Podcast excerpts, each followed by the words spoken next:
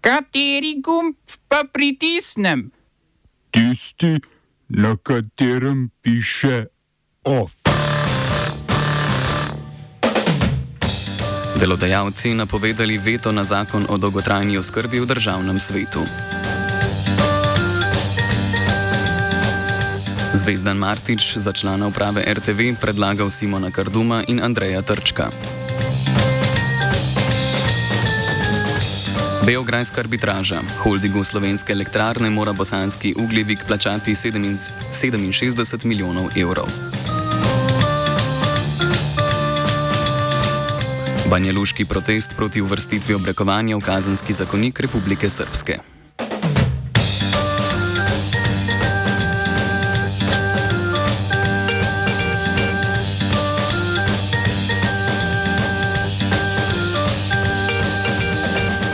Dobar dan, poslušate poročila na Radiu Student.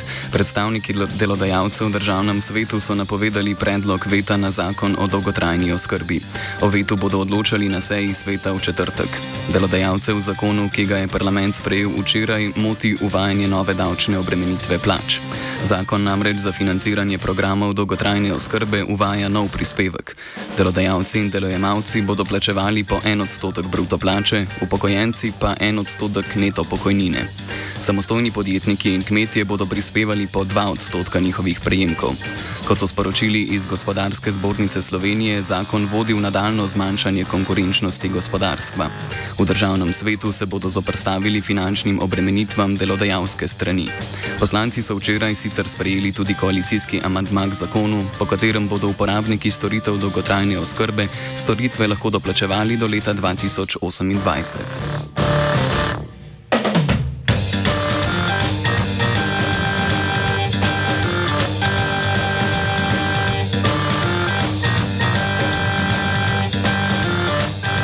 Svet Radio Televizije Slovenija je na izredni seji objavil imeni kandidatov za dva člana nove uprave zavoda. Novi predsednik uprave RTV Zvezdan Martič je za člana uprave predlagal Simona Karduma in Andreja Trčka. Kardum je nekdani državni sekretar in direktor direktorata na Ministrstvu za kulturo, trenutno pa direktor Kina Šiška. Trček je delal v multimedijskem centru RTV, zaposlen pa je v pravni službi zavoda. Na izredni seji so svetniki obravnavali tudi kolektivni dogovor, ki ga je odhajajoči vršilec dožnosti generalnega direktorja zavoda Andrej Grah-Watmau sklenil s sindikatom delavcev radiodifuzije Slovenije. Dogovor sindikatu podeljuje možnost, da z vetom onemogoči ukrepe, kot so odpuščanja in premeščanje delavcev iz poslovnih razlogov ali nesposobnosti. Po mnenju svetnikov je sprejet ukrep nezakonit in je namenjen zgolj temu, da bi lahko odhajajoče vodstvo in njemu prijateljski sindikat na ključnih mestih ohranila na novo zaposlene kadre.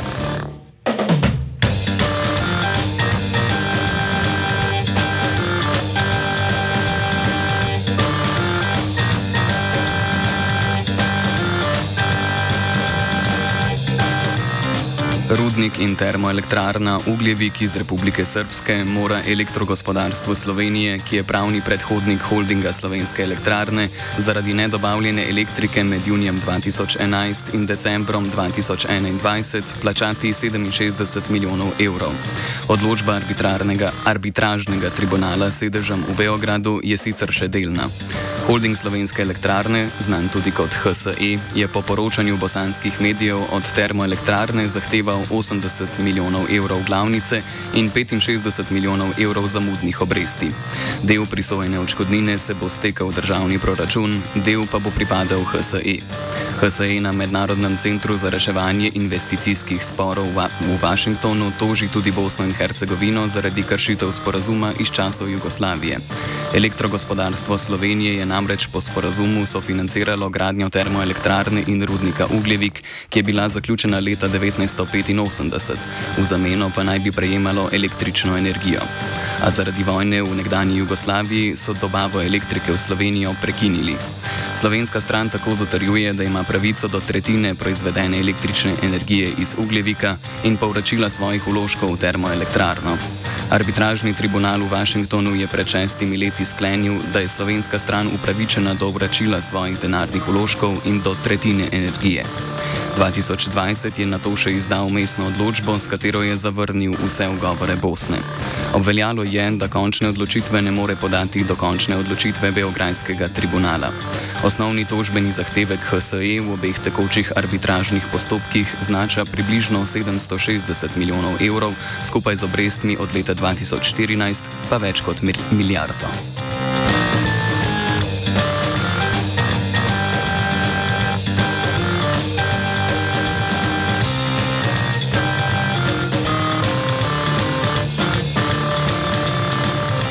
Ostajamo v Republiki Srpski. V Bani Luki je potekal protest proti spremembam kazanskega zakonika Republike Srpske, ki bi obrekovanje uvrstil med kazniva dejanja. Doslej je to veljalo za prekršek. Spremembe zakonika bodo jutri obravnavali v parlamentu večinsko srpske entitete Bosne in Hercegovine. Obrekovanje bi posamezniku v primeru sprejetja sprememb lahko prineslo denarne kazni od najmanj 2500 pa vse do 50 tisoč evrov.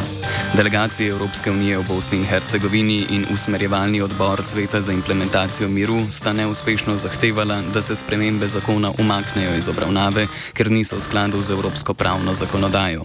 Več o današnjem protestu je za OF povedal urednik portala Buka Aleksandar Trifunovič.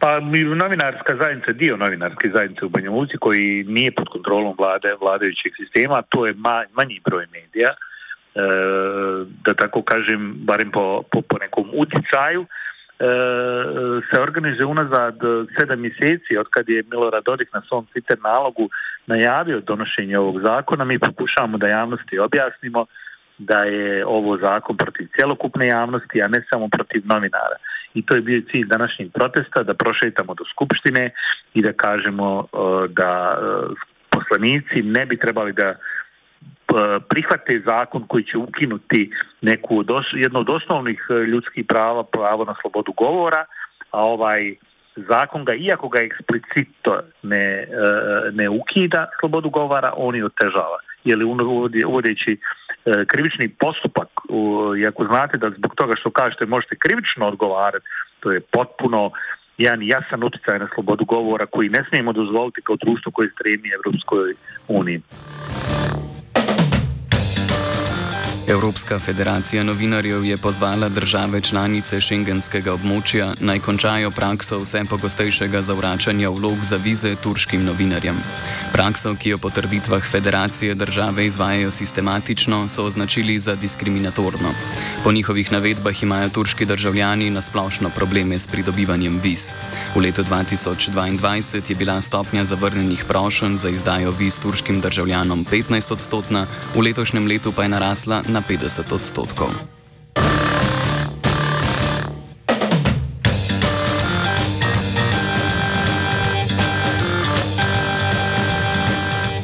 NATO-va misija na Kosovu, krajše KFOR, je Prištini sporočila, da brez odobritve KFOR-a ne sme uporabljati brezpilotnih letalnikov Bayraktar TB2.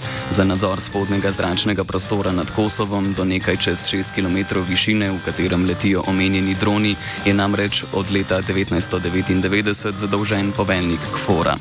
Kosovski premijer Albin Kurti je v nedeljo oznanil nakup omenjenih brezpilotnih letalnikov od Turčije. Število kupljenih dronov ni znano. Častniki kosovskih varnostnih sil so po trditvah Kurtija že končali usposabljanje za upravljanje z letalniki.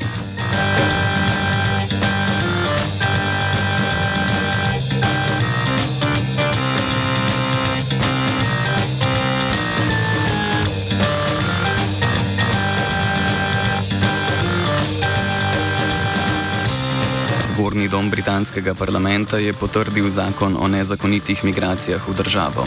Zakon zdaj čaka še na formalno pritrditev kralja Karla III. Zakon ljudem, ki pridajo v Združeno kraljestvo na nedovoljen način, preprečuje, da bi lahko zaprosili za azil. Te ljudi bo vlada na to lahko deportirala v njihovo izvorno državo ali tretjo državo, ki velja za varno. Spodnji dom se je več tednov boril z zgornjim domom parlamenta glede končne oblike diskriminatornega zakona. Zgolj v zadnjem tednu je predlog zakona zgornji dom trikrat vrnil popravek spodnjemu. Na zadnje je vladajoča turijska stranka morala pristati na vključitev amantmaja, po katerem zakon ne bo veljal retroaktivno, torej za ljudi, ki so na otok prispeli pred sprejetjem zakona.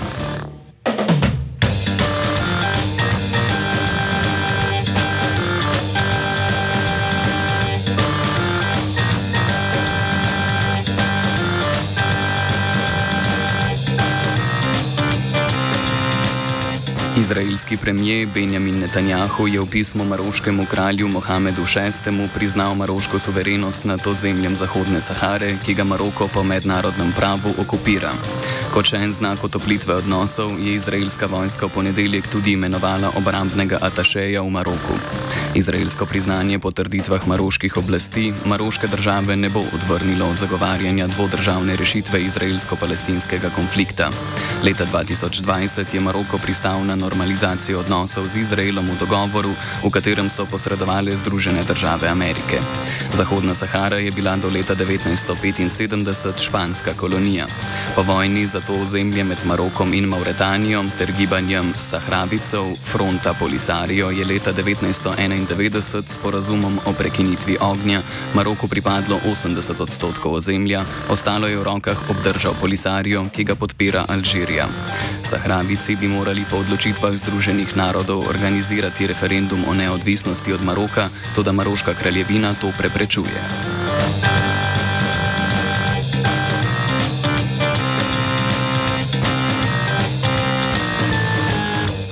Off je pripravil Filip.